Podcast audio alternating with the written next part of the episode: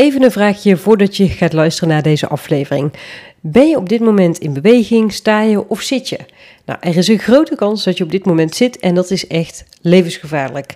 Althans, volgens de gast in deze podcastaflevering, Paul Akkermans. We zitten namelijk letterlijk dood te gaan en wij Nederlanders zijn ook nog eens Europees kampioen zitten. Echt heel veel slecht nieuws, maar er is gelukkig ook wat aan te doen. En voor die tips luister je natuurlijk naar deze aflevering. Ik wens je heel veel inspiratie en uh, wel gaan staan hè, als je dit beluistert. Veel plezier! Hi, mijn naam is Margot van Hooydonk en dit is de Vitaly Blij podcast. Voordat deze aflevering van start gaat, wil ik je laten weten dat je mee kan doen aan de Vitaliteitversneller als je meer tools en ondersteuning zoekt.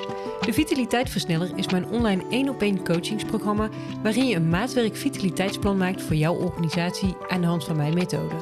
Wil je de juiste stappen zetten voor meer vitaliteit in jouw organisatie en hier samen met mij werk van maken? Je hoeft het echt niet alleen te doen. Ik help je graag met mijn ervaring, kennis en tools. Kijk voor meer informatie op vitalieblij.nl slash vitaliteitversneller.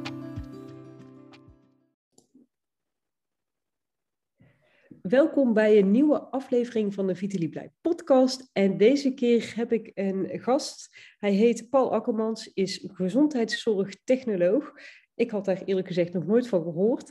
Uh, en hij heeft een boek geschreven dat heet Ontzitten. Nou, dat uh, prikkelt natuurlijk ook en uh, roept ook wat vragen op van... hey, ontzitten, waarom zouden we dat moeten en moeten willen? Paul, leuk dat je er bent. Welkom in deze podcast. Ja, dankjewel. Welkom. Bedankt voor de uitnodiging. Ja, zeker. Leuk dat je mee wilt doen. En nou, misschien toch fijn voor mij, maar ook zeker voor de mensen die, die luisteren. Uh, ja, fijn als jij jezelf voorstelt en ook iets vertelt over jouw achtergrond als gezondheidszorgtechnoloog en uh, ja, wat je zo doet. Ja, helemaal goed. Nou, mijn naam is inderdaad Paul Akkermans, 34 jaar en ik ben in 2011 afgestudeerd als gezondheidszorgtechnoloog.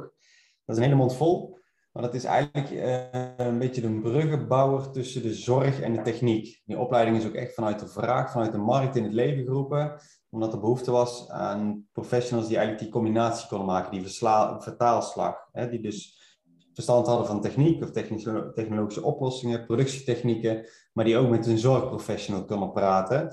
En op die manier eigenlijk oplossingen kunnen bedenken. Dat kan IT zijn, domotica, maar ook gewoon fysieke producten, om de zorg van morgen beter, efficiënter te maken.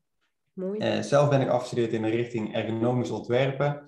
En na twee jaar in loondienst heb ik gewerkt bij het bedrijf waar ik afstudeerde, ben ik in 2013 voor mezelf begonnen met Zittotaal. En daarmee richt ik mij hoofdzakelijk op, uh, op mensen die niet op een standaardstoel kunnen zitten. En dan met name ook op kantoor, dus mensen met zittend werk. Uh, daar is ook nog wel wat discussie over overigens. Daar kom ik uh, later waarschijnlijk wel op terug. Vind ik altijd wel leuk om even te benoemen. Yeah. Um, en een stukje oudere zorg met betrekking tot sta-opstoelen en relax voor thuis. Um, en, maar dat is steeds meer in de richting van het, uh, van het ergonomisch zitten op kantoor gegaan, hè, met de bureaustoelen. Um, een stukje maatwerk, dus voor mensen met lichamelijke beperkingen of extreme lichaamsmaten. En een bepaald assortiment met, uh, met gewoon goede ergonomische bureaustoelen. Maar gaandeweg kwam ik eigenlijk steeds meer achter dat de hoeveelheid waarop we tegenwoordig zitten, um, dat het eigenlijk dus helemaal niet gezond is, hoe goed dat je stoel ook is. Hmm. En zeker met uh, de hoeveelheid ondersteuning en het comfort van de stoelen van tegenwoordig, uh, die zorgen er alleen maar voor dat we maar blijven zitten. Dat we helemaal niet meer opstaan en mm. te lang in dezelfde houding blijven zitten. En dat heeft gewoon allerlei nadelige gevolgen. Um, dus ik ben daar, daar steeds meer in gaan duiken van hoe zit dat nou precies? Hè? Letterlijk en figuurlijk, hoe zit dat? Uh, met het vele stilzitten en wat zijn de gevolgen dan? En hoe kunnen we dat eventueel um, veranderen op een dusdanige manier dat het niet in één keer een hele gekke uh, andere dingen worden die, die te ver van mensen afstaan.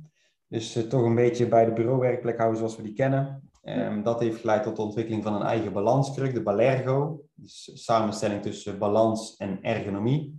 Oh ja. Um, en daarvoor heb ik veel boeken gelezen, onderzoeken gelezen, et cetera. Uh, heel veel informatie opgedaan. En dat heb ik uiteindelijk dus gebundeld. En dat heeft dan weer geleid tot het schrijven van mijn boek Ontzitten. Minder zitten voor meer vitaliteit. Mm -hmm. En het is inmiddels eigenlijk sta ik op het punt, ik had het er net in de voorbespreking al over, dat ik vorige week besloten heb om te gaan stoppen met Zit Totaal. Omdat die activiteiten gewoon niet meer bij mij passen, niet meer bij mijn missie en visie. die ik heb. Hè, dat ergonomisch zitten op een bureaustoel, dat past gewoon niet meer bij mij. Dat wil ik ook niet meer adviseren, omdat ik denk dat het beter kan, dat het gezonder kan. En dat we dat uh, zitten op een bureaustoel, dat dat bij een bureauwerkplek hoort, dat we dat een beetje los moeten gaan laten. Ja. Ehm, dus ik ga me volledig richten op uh, Balergo en het ontzitten. Om mensen dus te helpen om gezonder te gaan zitten, minder te zitten. En op die manier uh, bij te dragen aan een vitale Nederland. Ja, wat gaaf. Echt een mooie missie. En ook wel prikkelend, want ja, zitten is zo vanzelfsprekend. Ik bedoel, ik zit nu ook op mijn stoel een beetje onderuit gezakt uh, naar jou te luisteren. Um, en misschien moeten we even mhm. beginnen bij de feiten. Hè? Want jij zegt, we zitten veel te veel. Uh, dat is helemaal niet goed voor ons. Maar hoeveel zitten wij dan eigenlijk? Heb je daar uh, nou, cijfers van of feiten van? Ja, nou, we zijn in ieder geval iets wat zeker, waar we niet op trots op hoeven te zijn, zijn wij in Nederland Europees kampioen stilzitten. Wow. Um, Nederland zit, uh, eh, 32% van de bevolking zit meer dan 8,5 uur per dag, um, terwijl het Europees gemiddelde maar 12% ligt. Dus wij uh, zitten, stijgen er ook nog ver bovenuit ook nog. En we zitten gemiddeld uh, ruim anderhalf, of 8,5 uur per dag um, ja, voor de gemiddelde Nederlander. Die meeste tijd brengen we dan zittend door op het werk. Maar we zien natuurlijk daar ook wel een verschuiving in dat er steeds meer ook vrije tijd zittend wordt doorgebracht. En dat ook steeds meer jonge kinderen al een groot deel van de dag zitten, terwijl het vroeger natuurlijk veel meer het, buiten spelen en het actief bezig zijn was. Ja. Dus dat zijn eigenlijk wel zorgwekkende ontwikkelingen. Maar wij zitten dus in Nederland echt veruit het meest van uh, alle Europeanen. Ja, jeetje. Weet je ook hoe dat komt? Of hebben wij dan echt een heel andere levensstijl of nou, heel ander werk dan, dan andere Europese landen? Nou, we zijn in ieder geval uh, een behoorlijk uh, kenniseconomie hebben wij natuurlijk.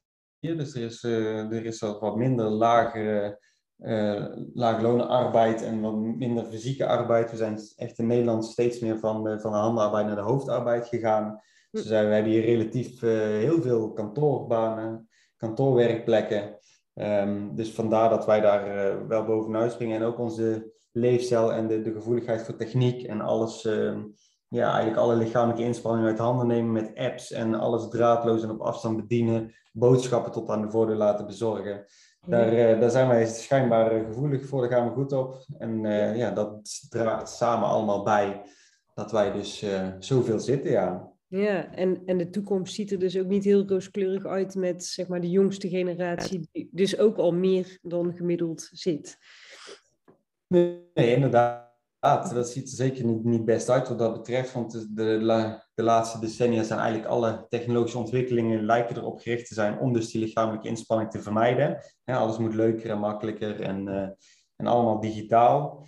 En we zien natuurlijk nu ook gewoon al kinderen, gewoon jonge kinderen met gewoon serieus met hernia-verschijnselen en met, met kromme ruggen, uh, de zogenaamde Gameboy-duimen omdat ze gewoon uh, vele uren per dag op een beeldscherm zitten, van smartphone, tablet, computer. Um, dus dat, uh, dat is allemaal niet, niet best, nee. Nee, precies. Nou, en wat dat betreft uh, heb je een mooie missie om, om Nederland wat minder te laten zitten. En wat ik eigenlijk, ja, wat mij triggert in jouw verhaal is, is wat je zegt van eigenlijk maken we het onszelf steeds gemakkelijker met een fijne economische stoel en met apps en met, nou ja, inderdaad, hè, tot aan de bezorgservice van de Albert Heijn en toe. of welke supermarkt dan ook. Um, maar eigenlijk, ja, we maken het onszelf gemakkelijk, maar eigenlijk maken we het onszelf dus heel erg moeilijk op deze manier, omdat het voor allerlei klachten zorgt. Want um, waarom is het eigenlijk zo verkeerd om zoveel te zitten? Um, omdat je lichaam eigenlijk nauwelijks meer energie verbruikt dan, uh, dan tijdens je basale metabolisme. Hè? Wanneer ons lichaam dus volledig in rust is en alleen voor de noodzakelijke activiteit energie nodig is, dus ademhaling, spijsvertering, eh, et cetera. Dat, is, dat wordt uitgedrukt in een bepaalde uh, maateenheid binnen de fysiologie, dus de metwaarde, mm. metabool equivalent. En als we dus uh, volledig in rust zijn, dan spreken we over een energieverbruik van 1 met. En sedentair gedrag, waarin we dus eigenlijk ook nauwelijks meer doen dan dat, dat we gewoon echt stilzitten dat staat gelijk aan 1 tot 1,5 met. Dus je verbruikt heel weinig energie daarbij. En dan, als je dan ook nog bedenkt dat we dus tegenwoordig steeds meer energie binnenkrijgen door al het bewerkt voedsel, veel koolhydraten, veel bewerkt, geraffineerde suikers, et cetera, dan staat er eigenlijk een negatieve energiebalans. Dus we krijgen eigenlijk meer energie binnen dan dat we verbruiken. En naast het misschien het bekendste effect hè, van het overgewicht en obesitas, waar meer dan de helft van de Nederlanders tegenwoordig aan lijden, ehm, zijn er nog allerlei processen in het lichaam waar we niet direct aan denken of die je niet misschien uh, meteen ziet of voelt. En die hebben op de lange termijn gewoon echt serieuze gezondheidseffecten. En dat is bijvoorbeeld de verminderde afbraak van vetten en suikers. Um, wat dan weer leidt tot uh, verstoring in de hormoonhuishouding bijvoorbeeld. Um, ook dit, uh, op langere termijn tot insulineongevoeligheid en met name dat zorgt dan weer voor insulineresistentie. Wat weer een van de belangrijkste oorzaken is van heel veel westerse welvaartsziekten. Hmm. En dan hebben we het dus over uh, hart- en vaatziekten, diabetes type 2, heel veel verschillende soorten kanker. Daar heb je gewoon een serieus verhoogd risico op als je dus langdurig stil zit. En dan heb ik het dus over de lange tijd achtereen zitten op een dag. En het, um, en de totale zittijd op een dag. Dus het is gewoon belangrijk om minder uren te zitten, maar ook vooral het zitten regelmatig onderbreken. Dat zorgt ervoor dat die processen in je lichaam weer geactiveerd worden. Dat je dus niet continu in die, in die uh, shutdown-modus zit. Maar dat die, die, die processen in je lichaam gewoon een beetje actief blijven. En, daarmee ook uh, je gezondheid op peil blijft. Ja. ja, want ik lees op jouw website ook, uh, we zitten langzaam dood te gaan. En die is best heftig, hè? Ja. Maar, maar als ik je zo ja. hoor, dan denk ik, nou, het is eigenlijk best wel waar. Ja, helaas wel inderdaad. Het is, het is heftig, maar dat, is, dat werkt ook wel om mensen daar misschien wat bewuster van te maken. Ja, want als je bedenkt dat er tegenwoordig gewoon net zoveel mensen overlijden aan de gevolgen van roken als aan de gevolgen van het stilzitten. En dat er wereldwijd eh, 5,3 miljoen mensen per jaar overlijden aan de gevolgen van lichamelijke inactiviteit. Dus dat zijn ook gewoon echt serieuze cijfers. En daar mag mij inziens wel meer aandacht uh, voor komen ondertussen. Want in 2012 heeft de Wereldgezondheidsorganisatie dit uh, lichamelijk inactieve leven al als een wereldwijde pandemie uitgeroepen. Nou, we zijn nu ongeveer tien jaar verder en er is nog weinig veranderd wat dat betreft. Ja, en, en sterker nog, um, daar ben ik wel benieuwd naar. Want uh, nou, het woord pandemie is al gevallen, maar dan hebben we natuurlijk ook nog een andere pandemie gehad de afgelopen jaar. Uh, nou, in mijn ervaring uh, was dat voor veel mensen een eye-opener, maar tegelijkertijd een eye-opener als het gaat om hun gezondheid, maar ook een eye-opener van hé, hey, ik zit zoveel te overleggen en ik, ik ga van en letterlijk de ene call naar de andere. Ik heb niet eens tijd om even op te staan. Um, ja, zie jij, ja, wat, wat zie jij zeg maar gebeuren dan op dit vlak? Denk je dat de pandemie uh, een positieve of een negatieve invloed heeft gehad op het zitten? die heeft een bewezen negatieve invloed gehad. Dat is ook onderzocht, dat we dus tijdens die pandemie eh, steeds meer zijn gaan zitten nog. Je zou kunnen denken toen iedereen ging thuiswerken, dat je die reistijd bijvoorbeeld invullen met beweegtijd. Hè. Ga lekker s'morgens en s'middags een stukje wandelen. Maar in de praktijk bleek juist dat mensen nog veel meer achter een uh, schermpje gingen zitten. En dus eigenlijk nog meer uren op een dag stil zaten. Um, en dat gebeurde ook omdat er natuurlijk veel minder uh, sociale activiteit, waar je kon veel minder naar buiten. Dus er werd veel meer thuis binnen gezeten. Dus wat dat betreft uh, is het aantal zituren alleen maar toegenomen. En dat is ook gewoon echt in cijfers uh, onderzocht. Ja, precies. Dus, de, dus wat dat betreft heeft het ook echt nog een, een hele nasleep, uh, een negatieve nasleep op onze gezondheid. Want ja, ik weet niet of je dat weet of, of daar ook onderzoek naar hebt gedaan, maar ik denk altijd als je eenmaal zit, of in ieder geval hè, niet meer gaat bewegen, niet meer gaat sporten, hè, de sportscholen waren natuurlijk ook dicht, uh, dan is het des te moeilijker om die drempel weer over te gaan om wel in beweging te komen. Is dat ook iets wat jij zo ziet? Ja, ja, klopt inderdaad. Ik vind het altijd een mooi zeggen dat zitten leidt tot zitten. Als je dus inderdaad um, veel zit op een dag, dan heb je s'avonds ook weinig uh, motivatie of behoefte om nog te gaan bewegen. Je hebt er niet echt puff voor. En dat komt ook door, ja, dat is een technische verhaal, door allerlei stofjes in de hersenen. Um, die, die inspireren of aanzetten tot te gaan bewegen, die worden juist geactiveerd als je gaat bewegen. Hmm. Dus hè, zitten leidt maar bewegen, aan de andere kant leidt ook tot bewegen. Als je dus heel veel zit en met name ook echt binnen zit, dan uh, zie je dat mensen ook steeds minder in beweging komen en die behoefte ook minder voelen of zo. En dan is die drempel wordt natuurlijk steeds groter. En uh, hetzelfde als dat je dus uh, bijvoorbeeld een abonnement bij de sportschool hebt en je gaat een paar maanden niet. Hoe langer je wacht, hoe moeilijker het wordt om weer die eerste keer te gaan. Ja, ja precies. Nou, ik vind het zelf in ieder geval wel uh, ik merk dat zelf ook wel. Want als ik inderdaad een hele dag uh, hard heb zitten werken binnen en ja, dan weet ik echt wel van het is heel belangrijk en heel goed voor me om die dag dan af te sluiten om hè, lekker naar buiten te gaan of even te wandelen. Maar ja, juist op die dagen heb ik daar natuurlijk helemaal geen zin in. Maar dat is dus echt iets wat door die stofjes in je hersenen eigenlijk al verklaard kan worden. Ja. Inderdaad, ja. En het is Erik Scherder, wellicht bekend, hè, de neuropsycholoog. Die, uh, die heeft daar ook onderzoek naar en die heeft die ook heel interessant uh, en duidelijk vertellen. Dus als je daar eens een keertje wat meer over wil weten, dan zou ik zeggen, kijk eens op YouTube of zo. Hij heeft er hele mooie video's van waarin hij dat mooi uitlegt. Ja. En ook waarom dat het vele stilzitten, um, waarom dat, dat nou ook een negatief effect heeft op de gevoeligheid voor, voor het krijgen van COVID. En de, dat je daardoor meer risico's loopt op op ja, een slechtere afloop, zeg maar. Hoe dat, dat nou samenwerkt in je lichaam, dat processen daar aan ten grondslag uh, liggen. Ja, goede tip. En hij kan dat inderdaad enorm goed uh, uitleggen in die filmpjes met allerlei uh, visuele ondersteuning, wat we nu natuurlijk ook niet hebben. Maar ja. ja, één ding is wel zeker, het is super belangrijk om in beweging te blijven. En ergens denk ik dus ook met wat jij nu zegt, ja, het bewustzijn alleen al van, hé, ik heb er eigenlijk geen zin in, dat dat juist een trigger moet zijn om juist dus te gaan bewegen. En al is het maar misschien tien minuten of een kwartiertje uh, te gaan wandelen, dat dat je eigenlijk al gaat helpen om meer te gaan bewegen, makkelijker te gaan bewegen. Ja. Ja, goeie, mooi. Dat is zeker waar, inderdaad. En ik denk dat heel veel mensen wel herkennen dat als ze dan toch die stap gezet hebben, dat ze dan zijn gaan bewegen, dat je dan naar de rand je eigenlijk ook echt beter voelt. Dat je blij bent dat je gegaan bent en dat je toch dat lekkere gevoel hebt. En dan heb ik het nog niet eens dat je echt zo'n voldaan gevoel hebt na een bepaalde workout. Maar ehm, gewoon echt het bewegen, gewoon lekker een stukje wandelen inderdaad. Of in ieder geval gewoon lichamelijk een beetje actief bezig zijn.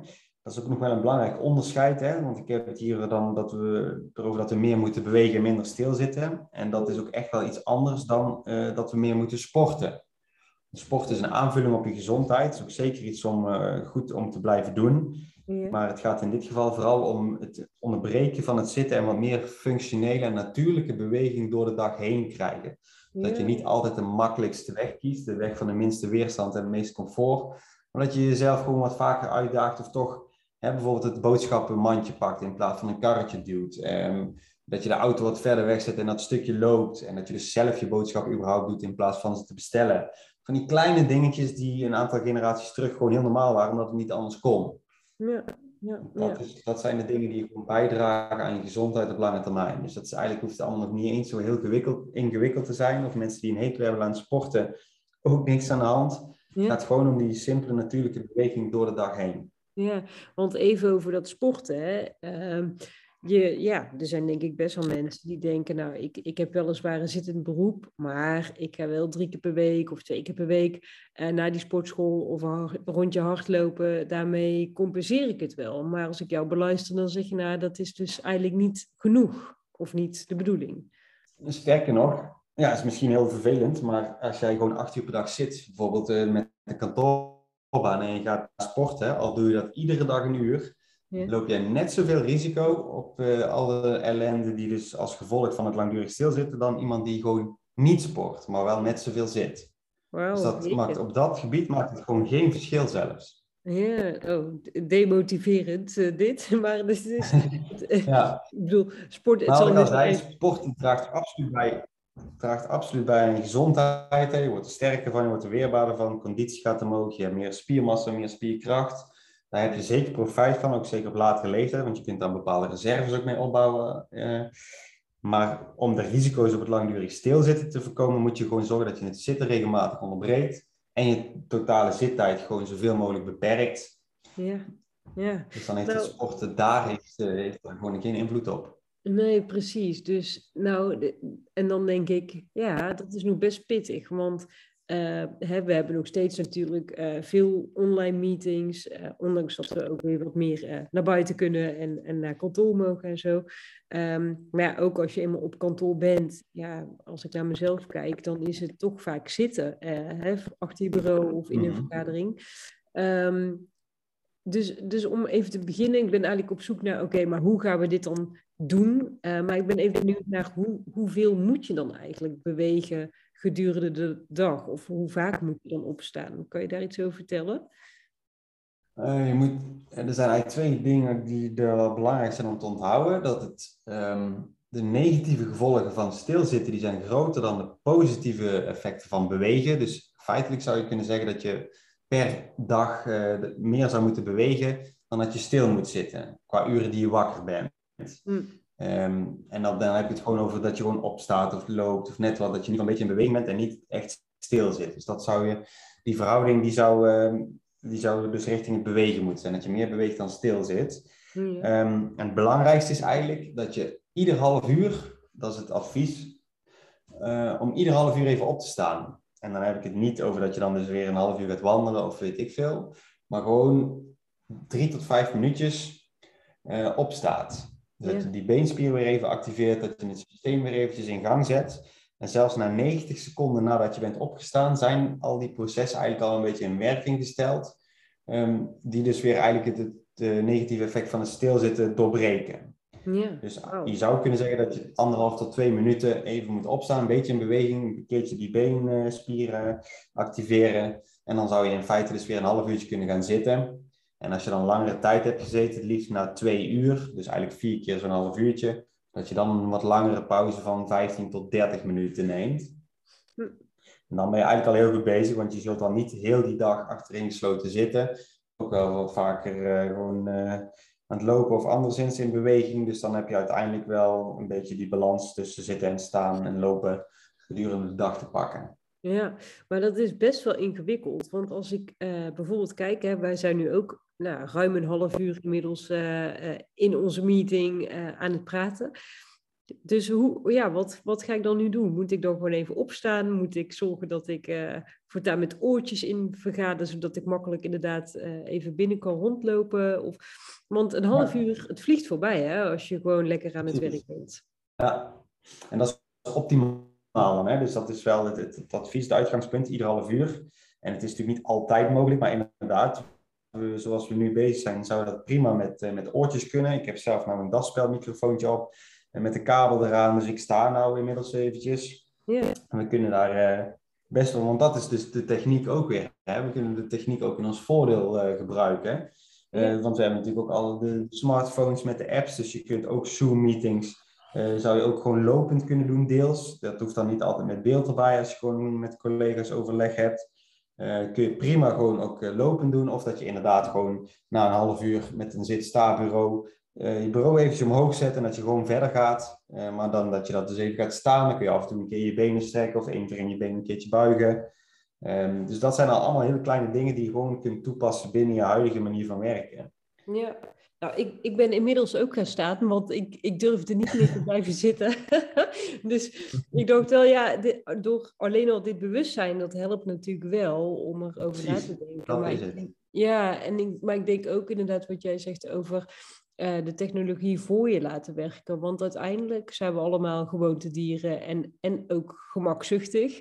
Um, zo zijn we nou helemaal ook geprogrammeerd. Maar ik had zelf bijvoorbeeld een hele tijd, um, uh, nou, een beetje de stelregel, als ik ga overleggen, dan draai ik mijn uh, zitstaarbureau omhoog en dan doe ik elk overleg doe ik gewoon staand. En mij hielp mhm. dat heel erg, omdat je het dan ja, zeg maar, koppelt aan een andere activiteit, namelijk een overlegging gaan. Uh, waardoor ik het ook wel kon onthouden. En als het me dan echt te lang ging duren, of als ik heel veel meetings had op een dag, nou, dan ging ik meestal toch wel weer even zitten. Want het is, je voelt dan ook echt, dat is veel zwaarder, um, inspannender, dan inderdaad zitten. Dus, uh, dus dat hielp mij wel. Maar ik, de eerlijkheid gebiedt me ook te zeggen dat het dan heel makkelijk weer uit je systeem gaat als je niet oppast. Want ik had een tijd lang geen, uh, had ik een andere werkplek, geen zit-sta-bureau. Ja, en, en daarmee was heel mijn routine ook weer verdwenen. Dus uh, ja, misschien heb jij daar ook al wat, wat tips bij. Van inderdaad, hoe kan je nou die technologie nog meer voor je laten werken? Of moet je reminders in je agenda zetten? Of ja, gewoon de, de praktische tips. Uh, hoe, hoe pak jij dat zelf aan? Ja, nou je noemde net al twee interessante dingen. Allereerst over dat we dus gewoon, gewoontedieren zijn en gemakzuchtig zijn ingesteld. En dat is eigenlijk ook wel een beetje eh, de, de basis of de grondlegger van dit probleem. Dat wij vanuit, uh, vanuit de evolutie, ons oerinstinct is gewoon om zuinig met energie om te gaan. Hè? Want vroeger moesten we altijd kunnen vluchten voor gevaar. Hmm. En we hadden nog geen koelkasten en geen supermarkt om de hoek, dus je wist ook niet wat en wanneer dat jouw volgende maaltijd was. Dus was het heel nuttig om zuinig met je energie om te gaan. Dus zodra het kon, dan, uh, dan gingen we zitten of in ieder geval op een andere manier uh, zo min mogelijk energie verbruiken. Ja. Dus en dat zit er nog steeds in. Maar ja, tegenwoordig hebben we natuurlijk en overal eten om ons heen. En we hebben dus het comfort van alle stoelen en banken overal om ons heen. Samen met de techniek zorgt ervoor dat wij continu eigenlijk, hè, dat die magneet in onze kont, om het zo maar te zeggen, ons continu naar die stoelen aangetrokken voelt. Ja. En dat we dus maar blijven zitten. Dus dat is alvast één ding, dat je dus moet proberen om je omgeving dusdanig in te richten dat, dat, dat je er wel minder daaraan toe kunt geven. Dus als je bijvoorbeeld op jouw bureauwerkplek zorgt voor een, een balanskruk of een, een simpele houten kruk of een andere actieve zitoplossing. En die bureaustoel liefst eigenlijk zelfs nog gewoon eruit doet, of in ieder geval dat je die bijvoorbeeld gaat delen met collega's, dat je niet allemaal de hele dag een bureaustoel tot je beschikking hebt, eh, dat je dat kunt afwisselen, dan kun je dus al moeilijker terugvallen in, in je gewoontes. Um, en aan dat comfort toegeven. En je zult merken dat je op dergelijke zitoplossingen gewoon al meer in beweging bent terwijl je zit, maar dat ze ook veel meer uitnodigen en stimuleren, onbewust vaak, om meer op te staan. Want het gaat op een gegeven moment zit het minder comfortabel. Um, ik adviseer ook als, je, als de optie er is met wieltjes, om daar nooit voor te kiezen. Gewoon lekker een vaste voet. Dan rol je niet naar de prullenbak of de printer of een collega naast je, maar je staat gewoon even op. Want anders doe je, blijf je toch veel zitten. Dat gaat ongemerkt van op, even rollen. Dus dan, dan, sta je ook alweer op. En het zijn iedere keer die kleine onderbrekingjes die, die het dus uiteindelijk doen. Dus dat zijn al zaken die je voor je kunt laten werken. Een hele mooie vind ik, zeker voor mensen met een kantoorbaan is dat goed doen, is de Pomodoro-techniek, wellicht bekend. Ja, ja ik ken hem. Timer zet. Ja, dan zet je een timer op 25 minuten. Um, en als die afgaat, het is dus belangrijk dat je daar gewoon echt een signaal krijgt, geluidssignaal, dat, uh, dat de timer afloopt. En dan is het eigenlijk de bedoeling dat je dus drie tot vijf minuten pauze neemt. Nou, die kun je perfect inzetten als beweegmomentje. Dat je dus even opstaat. Want de mm. bedoeling van die techniek is ook dat je dan eventjes uit je werk gaat. En dus eventjes probeert ook om je hersenen even te ontspannen. Even met iets anders bezig te zijn. En vervolgens zet je weer een nieuwe timer. En ga je weer 25 minuten aan die ene taak werken. En na vier keer pak je dan een pauze van 15 tot 30 minuten. Hm. Nou, daar zijn ook allerlei apps voor, waarbij je ook je, je, agenda en alles mee kunt nemen. Of je zet gewoon een timertje op je telefoon. Of als je het helemaal klassiek wil doen volgens die techniek, een kookwekkertje. Maar dan heb je iedere keer weer een signaal dat je dus weer even in beweging moet komen. En ik vond net een andere goede, wat je ook al benoemde, dat je bepaalde werkzaamheden aan een bepaalde werkhouding koppelt dus dat je gewoon gewoontegedrag combineert met bepaalde gewenste gedragsverandering. Dat werkt heel effectief als je dus je gedrag wilt veranderen. Ja. En daarvoor zou je kunnen zeggen dat je bepaalde werkzaamheden categoriseert. Dus bijvoorbeeld je telefoontjes, je mail, overleg, andere computerwerkzaamheden. En dat je die dan dus ook bundelt. Dus dat je zegt van mijn telefoontjes die spaar ik op. Ik ga niet ieder telefoontje wat binnenkomt meteen aannemen zet mijn telefoon gewoon lekker op niet storen. Kan ik ongestoord lekker werken. En dan pak ik uh, bijvoorbeeld twee of drie momenten op een dag. Die pak ik voor mijn telefoontjes te beantwoorden of de telefoontjes die ik zelf nog moet plegen. Ja. Hetzelfde kun je doen met je e-mail en met andere werkzaamheden. En dat je dan dus die werkzaamheden koppelt aan een bepaalde werkhouding. Hè, telefoontjes kun je natuurlijk heel mooi lopend doen met oortjes in. Je krijgt dan ook gewoon betere gesprekken vaak. Ja. Eh, dan doe je mailtjes bijvoorbeeld staand en dan zou je andere werkzaamheden op een actieve zitoplossing achter je bureau kunnen doen. Ja. Dus daarin kun je ook al mooi variëren en dat je dan ook weer bepaalde reminders hebt, omdat je het koppelt aan gedrag wat al een gewoonte is. Ja, ja precies. Dat, dat werkte voor mij in ieder geval heel erg goed, heb ik gemerkt. En uh, ik zou het weer op moeten mhm. pakken. En ook wel mooi wat je zegt over dat uh, zeg maar fysiek en mentaal uh, dat dat zo samengaat. Hè? Dus dat, want ik ken de Pomodoro-techniek eigenlijk vooral als een techniek om uh, gefocust en productief te kunnen werken, omdat je inderdaad niet continu gefocust kan zijn. Oh, er, er, vliegt hier ondertussen iets over, dat is misschien te horen. Um, maar wat jij ook zegt, van ja, je, het gaat er natuurlijk ook om dat je fysiek fit en scherp blijft. En juist uh, ja. ja. ook af en toe te staan, te lopen. Uh, ja, heb je betere gesprekken, ben je scherper. Uh, ja, doe je, verzet je eigenlijk meer werk um, dan ja. je doen als je gewoon lui in die stoel blijft hangen acht uur lang. Ja, want techniek is inderdaad bedacht en in het leven geroepen om productiever en geconcentreerder te kunnen werken. En dat je wat minder afleiding hebt en dat je uiteindelijk ook beter kunt plannen. Dus dat is al een hele mooie techniek voor productiviteit. Maar ik vind inderdaad die combinatie met het bewegen, dat vind ik helemaal mooi meegenomen, omdat je die reminder al zet. En het is toch de bedoeling dat je na afloop van zo'n wekkertje uh, eventjes uit je werk stapt. Nou, hoe mooi is het dan als je dat als beweegmomentje pakt, hè? dat je dus die drie tot vijf minuutjes gewoon even opstaat. Ga naar het toilet, haal wat drinken. Hè? Werk je thuis, maak wat loop je een keertje doelloos de trap op en neer. Gewoon eventjes een beweegmomentje pakken en daarna weer fris tegenaan.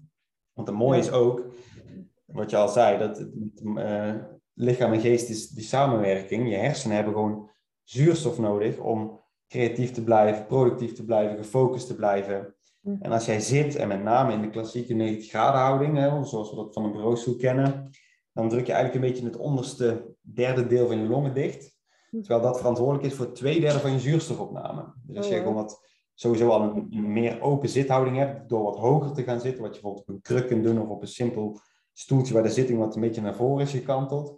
En dan helemaal als je opstaat en een beetje in beweging bent, krijg je veel meer zuurstof tot je. En daardoor kun je dus ook gewoon langer geconcentreerd blijven uiteindelijk. En heb jij ook uh, om vier uur die bekende dip uh, veel minder. Heeft natuurlijk ook met wat je eet te maken, maar dat zuurstofniveau doet daar ook heel veel in. Ja, absoluut. Nou, interessant hè, want het, het eigenlijk uh, wat jij zegt van ja, je houdt je bezig met zitten, maar het hangt met alles samen als je, als je het zo benoemt. Um, ja. En ja, als je dan beseft inderdaad dat we echt uh, Europees koploper zijn met zitten, dan ja, is het niet heel gek dat we ook allerlei andere uh, ja, ziektes, aandoeningen hebben en dat dat eigenlijk steeds meer wordt.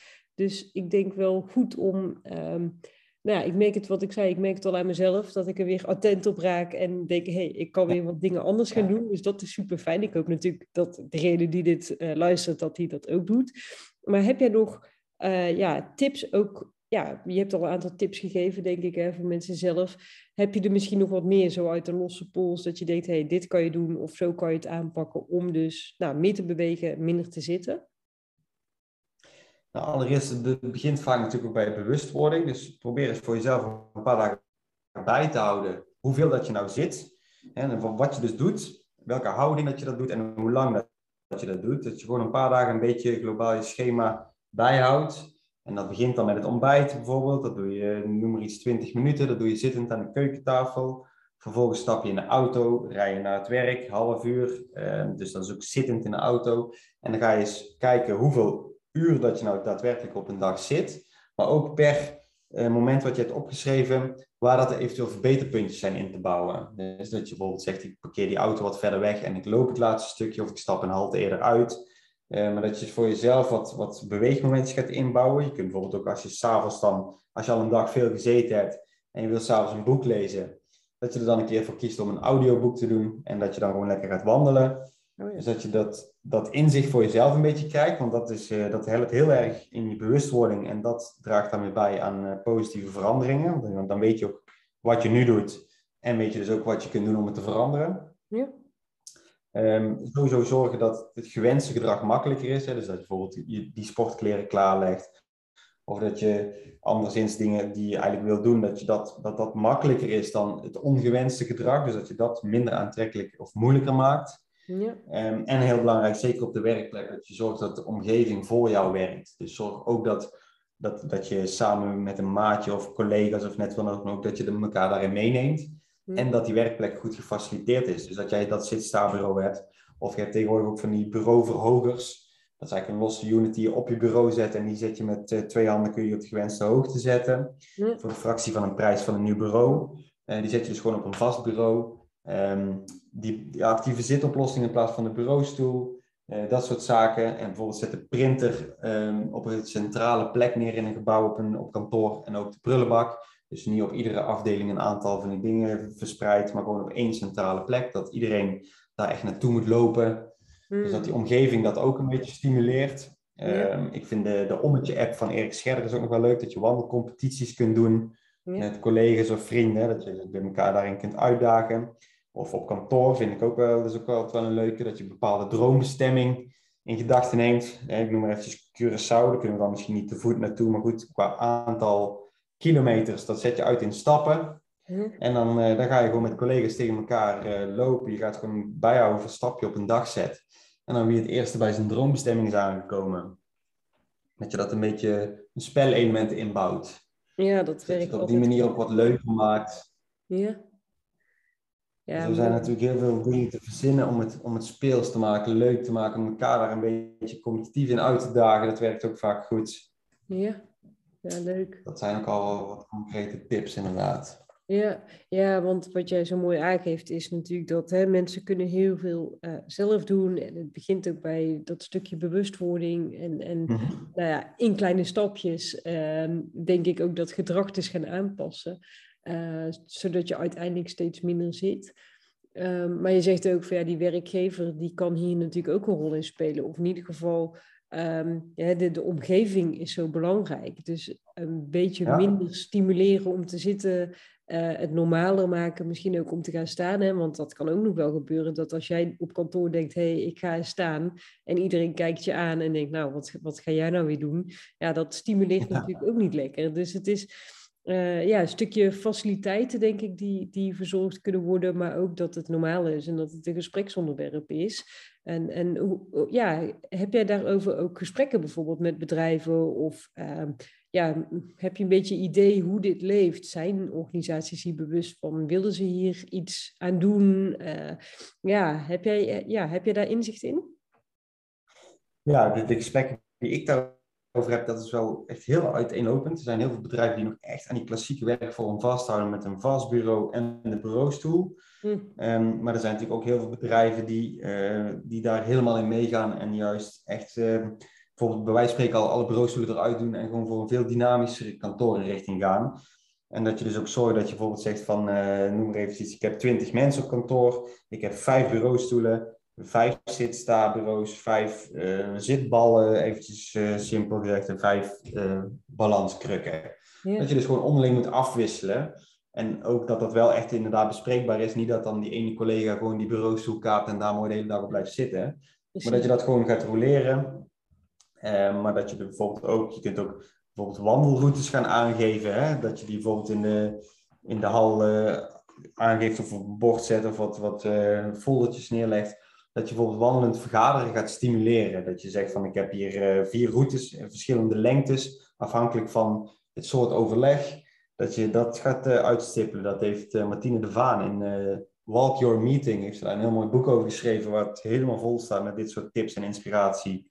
Leuk. Dat je dat gaat stimuleren, want het draagt gewoon echt daadwerkelijk bij ook aan de productiviteit van je mensen. Ja. Ehm, ze worden gezonder, dus je hebt een lager ziekteverzuim. Dus al dat soort dingen, ja, dat heeft alleen maar een positieve uitwerking. Als je kijkt ook dat zo'n balanskruk of andere actievere zitoplossingen zijn ook gewoon voordeliger in aanschaf dan een eh, complete bureaustoel. Dus je bespaart wat dat betreft ook nog op de kosten. Ja. Het is ja, win-win voor iedereen uiteindelijk. En je kunt ook, wijze van spreken, op de trap. eh dat is ook wel grappig dat je per treden gaat aangeven hoeveel calorieën dat je verbruikt hebt per treden. Dus hoe hoger je komt. En dat je ook de lift eigenlijk een beetje wegstopt en de trap juist een prominente plek geeft. Of in ieder geval eh, daarop aanstuurt. In plaats van andersom. Vaak moeten we de trap juist gaan zoeken en is de lift meteen in beeld. Ja, Dus dat je het op die manier ook gewoon echt gaat aanmoedigen. En dat het inderdaad ook gewoon een gespreksonderwerp is. ja, En niet dat als eh, Pietje gaat staan en de rest van het kantoor die zit en die wordt er raar op aangekeken. Want die doet het eigenlijk hè, op de beste manier. Alleen het is nog zo klassieke werkvorm, het zit er nog zo ingepakt dat het op een bureaustoel moet. Ja. Hè, want dat is eigenlijk in het begin in de introductie op terug zou komen. Ik heb dat vaak ook tijdens workshops. Als ik dan vraag van wie heeft er zittend werk, ja, dan gaan bijna alle handen omhoog. En als ik dan ga vragen van wat doe je dan? En dan is het 9 van de 10 keer is dat inderdaad een kantoorbaan of beeldschermwerk. Ja. Maar ik zeg altijd, eh, misschien een beetje flauw of confronterend, maar je hebt, eh, je hebt geen zittend werk. Het is een keuze om het zittend uit te voeren. Kijk, een taxichauffeur of een andere beroepschauffeur, die heeft zittend werk. Die kan niet gaan staan of gaan lopen tijdens zijn werk. Dat zou een beetje eh, slordig worden. Ja. Maar iemand met een kantoorbaan, die heeft allerlei andere mogelijkheden om zijn werk uit te voeren. En dat wil niet zeggen dat je dan nooit meer mag zitten of dat die bureaustoel verboden moet worden. Je kunt daar best wel eh, in afwisselen en een paar uurtjes zittend op die stoel doorbrengen. Maar er zijn ook daarbuiten nog vele manieren en werkvormen en houdingen waarop jij je werk kunt uitvoeren. En dat, dat zou er wat meer hè, erin gebakken mogen worden. Ja, mooi. Maar ik denk dat we daar ook langzaam wel naartoe gaan. Ik denk het ook. Ik denk wel dat, eh, nou ja, wat je zegt, hè, dat überhaupt die staan zitbureaus, dat die er zijn. En inderdaad die, die opzetstukken, Uh, nou, volgens mij zijn die tijdens corona vooral ook heel booming uh, geworden. Um, dat ik denk, ja. weet je, het, het wordt in ieder geval normaler. En het is goed dat, dat mensen er bewust van zijn. En ja, ik hoop vooral ook, wat jij zo mooi zegt, dat de werkgever kan hier zoveel in betekenen. Um, want ja, je kan moeilijk je eigen bureau uh, ergens neerzetten of nou ja, je eigen kruk meenemen. Dat gaat misschien dan nog wel wat makkelijker. Maar ja, mhm. het gaat denk ik juist ook om die bewustwording. En uh, ja, waarom je doet wat, wat je doet. Hè? En dat je daar ook over nadenkt in plaats van maar gewoon meteen te gaan zitten en, en dat als normaal te beschouwen. Ik denk dat ja. in, in het hele grote thema van vitaliteit op de werkvloer, uh, ja, dat dit er eentje is die je heel praktisch kan aanvliegen en tegelijkertijd, wat jij zegt, uh, ja, er moet ook wel over gesproken worden en het moet ook een, een normaal worden. En, en als je mensen daarin kan stimuleren, ja, dan heb je echt een win-win situatie. Ja, dat denk ik ook.